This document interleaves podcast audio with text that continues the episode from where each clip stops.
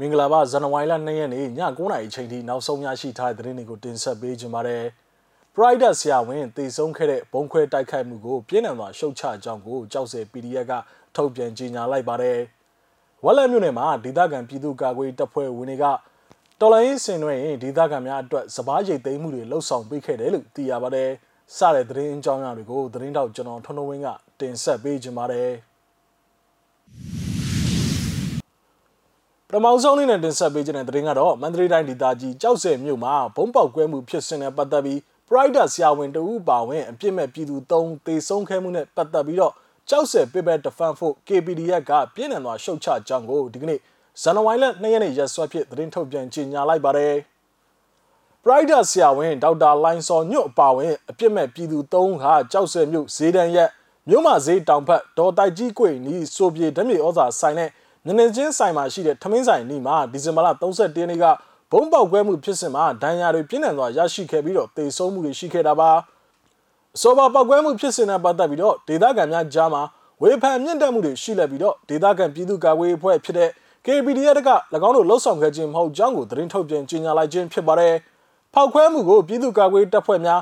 လှုပ်ဆောင်တရားပြည်သူများကြားမှာဝါဒဖြန့်ဖော်ပြမှုများရှိနေတဲ့အတွက် KPDF ကထုတ်ပြန်ခြင်းဖြစ်ပါတယ်။ ပြည်သူ့ကာကွယ်တပ်ဖွဲ့များကပြည်သူများထိခိုက်နိုင်တဲ့တိုက်ခိုက်မှုများလှုံ့ဆော်မှာမဟုတ်ကြောင်းနဲ့ဆိုပါဘုံဖောက်ခွဲမှုကိုကြောက်စဲကိုစားပြုပြည်သူ့ကာကွယ်တပ်ဖွဲ့များကလှုံ့ဆော်ခြင်းမဟုတ်ကြောင်းကိုထုတ်ပြန်ကြတယ်မှာဆိုပါတယ်။ပောက်ကွဲမှုဖြစ်တဲ့နေရာကစစ်သားတွေရှိတဲ့နေရာစစ်သားတွေတွာလာတတ်တဲ့နေရာလည်းမဟုတ်ဘူး။ဒေါက်တာအိမ်နာမှာတမင်ရွေချက်ရှိရှိနဲ့ဖောက်ခွဲသွားတာပါ။ Pride ဆရာဝန်တယောက်သူရဲကောင်းတယောက်ကြာဆုံးတာပါလို့မြို့ကန်တဦးကသုံးသက်ပြောဆိုပါတယ်။ဒေါက်တာလိုင်းစော်ညွန့်ဟာရှစ်သစ်ငိန်ချန်ရင်းနဲ့ ပွင့်လင်းလူဖွဲ့စည်းကြောက်စင်မှာပါဝင်သူလည်းဖြစ်ပါတယ်။မြို့မိမြို့ဖဒေသခံတူကလည်းဒေါက်တာလိုင်ကပြည်သူနဲ့နှီးစပ်တဲ့ Pride ဆရာဝန်မှာသူ့ကိုတက်ချင်လာအောင်မုန်းတိတဲ့လူဆိုတာပြူစော်နဲ့စစ်ကောင်စီတွေလည်းပဲရှိမယ်။တမျိုးလုံးကလည်းအခုရန်ဝမ်းနေကြတယ်။နှမျောတာပေါ့လို့၎င်းကဆိုပါတယ်။ဆလဘီတင်ဆက်ပေးခြင်းတဲ့သတင်းကတော့ဝက်လက်မြို့နယ်မှာအကြမ်းဖက်စစ်ကောင်စီရဲ့လေကြောင်းတိုက်ခိုက်မှုများကြောင့်တောင်ယာလုပ်ငန်းလုပ်ကိုင်ရန်စိုးရိမ်နေကြတဲ့ ဒေသခံတောင်သူများကိုပြည်သူ့ကာကွယ်တပ်ဖွဲ့ဝင်များကဒီကနေ့ဇန်နဝါရီလ2ရက်နေ့မှာစပားကူညီရိတ်သိမ်းပေးခဲ့တယ်လို့သိရပါတယ်။စကိုင်းခရိုင်ပြည်သူ့ကာကွယ်တပ် PDF တရင်1မှာဘိုးစော်လိုက်အဖွဲ့မှဒီကနေ့ဇန်နဝါရီလ2ရက်နေ့နနက်ပိုင်းချိန်ကဝက်လက်မြို့နယ်အတွင်းမှာရှိတဲ့တောင်သူတွေကိုစပားကူညီရိတ်သိမ်းပေးခြင်းများဆောင်ရွက်ခဲ့တယ်လို့သိရပါတယ်။စကိုင်းနဲ့ဝက်လက်ကနေနမိတ်ထိစက်နေတာကြောင့်စကိုင်း LPDF များနေဖြစ်တောင်သူများကိုကူညီခဲ့ခြင်းဖြစ်တယ်လို့ဆိုပါတယ်။ဝက်လက်မြို့နယ်မှာ ဇန်နဝါရီလ၁ရက်နေ့ညနေပိုင်းအချိန်ကဒေသကာကွယ်ရေးအဖွဲ့များနဲ့အကြမ်းဖက်စစ်ကောင်စီတပ်များတိုက်ပွဲဖြစ်ပွားရာမှာအကြမ်းဖက်စစ်ကောင်စီတပ်မှညနေ6နာရီအချိန်က MI35 ရဟရင်နှစ်စီးဖြင့်ပစ်ခတ်တိုက်ခိုက်မှုများလည်းလှုပ်ဆောင်ခဲ့တယ်လို့ဆိုပါတယ်။စကိုင်းဝက်လက်မြင်းမှုအရာတော်မြို့နယ်များမှာအကြမ်းဖက်စစ်ကောင်စီတပ်နဲ့ပြူစောတိများစစ်ကြောင်းထိုးခြင်းများမိရှုဖျက်ဆီးခြင်းများကြောင့်ဒေသခံတောင်သူများရိတ်သိမ်းချိန်ရောက်ရှိနေတော့လဲလေယာလုပ်ငန်းလှုပ်ဆောင်ရန်အခက်အခဲများကြုံတွေ့နေရတယ်လို့သိရပါတယ်။ ဒီဇင်ဘာလ29ရက်နေ့ညနေပိုင်းချိန်ကအရာတော်အရှိနဲ့ဒုံတစ်အုပ်စုမှာအကြမ်းဖက်စစ်ကောင်စီခြေလင်းစစ်ကြောင်းကိုမိုင်းဆွဲတိုက်ခိုက်ခဲ့ရမှာအကြမ်းဖက်စစ်ကောင်စီတပ်သား10ဦးထက်မနည်းတေဆုံးမှုတွေဖြစ်ပွားခဲ့ပြီးတဲ့နောက်မှာတော့ဒဏ်ရာရရှိသူများနဲ့တေဆုံးသူများကိုတည်ယူပြီးစုခွာနေစဉ်မှာအနီးမှာရှိတဲ့ဒေသခံစပားခင်းများထဲမှာချွေလက်ရန်ရိတ်သိမ်းစုပုံထားတဲ့စပားများကိုအကြမ်းဖက်စစ်ကောင်စီကမိရှို့သွားမှုတွေလှုပ်ဆောင်ခဲ့တယ်လို့သိရပါတယ်။ နောက်ထပ်တင်ဆက်ပေးခြင်းတဲ့သတင်းကတော့ယခုနှစ်သက်မှာစစ်အာဏာရှင်ကိုပုံမတွန်းလှန်တိုက်ခိုက်သွားမှာကိုဂရုပြုကြောင်းကိုလက်ပံမြို့နယ်အခြေခံကျောင်းသားများတမကအကတကဒီကနေ့ဇန်နဝါရီလ2ရက်နေ့ရက်စွဲဖြင့်သတင်းထုတ်ပြန်ကြေညာလိုက်ပါတယ်။ပန်းနိုင်တို့မြောက်ရှိသေးတဲ့တော်လန်ရေးကြီးမှာမိမိတို့ရဲ့အဓိကရည်မှန်းချက်ဖြစ်တဲ့စစ်အာဏာရှင်စနစ်အမြင့်ပြတ်ရေးမိဘပြည်သူများအနေဖြင့်ပူပေါင်းတိုက်ပွဲဝင်ကြရန်တိုက်တွန်းထားပါတယ်။နှစ်သက်မှာမပျော်ပါနိုင်ခဲ့ကြတဲ့တော်တွင်းရောက်ရဲဘော်များအပါအဝင် ထောင်ထဲမှာဖမ်းဆီးခံထားရတဲ့ចောင်းသားရဲဘော်များနဲ့ကြာဆုံးရဲဘော်များကိုစားယခုနှစ်သက်မှာရင်ကရက်ပို့ပြီးတော့ဆက်အနာရှင်ကိုစန့်ကျင်တော်လှန်သွားမှာဖြစ်ကြောင်းကိုရေးသားထားခြင်းဖြစ်ပါတယ်ဒီကနေ့ဇန်နဝါရီလ2ရက်နေ့မှာကြာရောက်တဲ့ကရင်တက္ကရာ2962ခုနှစ်ကရင်နှစ်သက်ကူနေ့ကိုလည်းကြိုဆိုခဲ့ပြီးတော့လက်တွဲညီညီရှေ့ဆက်မဲ့နှစ်သက်အောင်ပွဲစီလို့အမည်ရပြီးတော့အာနာရှင်စန့်ကျင်ဓာတ်ပုံလှုပ်ရှားမှုတစ်ခုကိုလည်းပြုလုပ်ခဲ့ကြပါသေးတယ်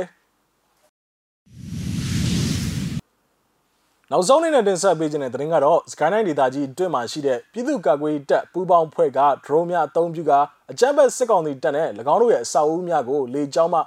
ဘုံကျဲတိုက်ခိုက်မှုများပါရှိတဲ့ရုပ်သံဗီဒီယိုဖိုင်တစ်ခုကိုဒီကနေ့ဇန်နဝါရီလ2ရက်နေ့ရက်စွဲဖြင့်သတင်းထုတ်ပြန်ကြေညာလိုက်ပါတယ်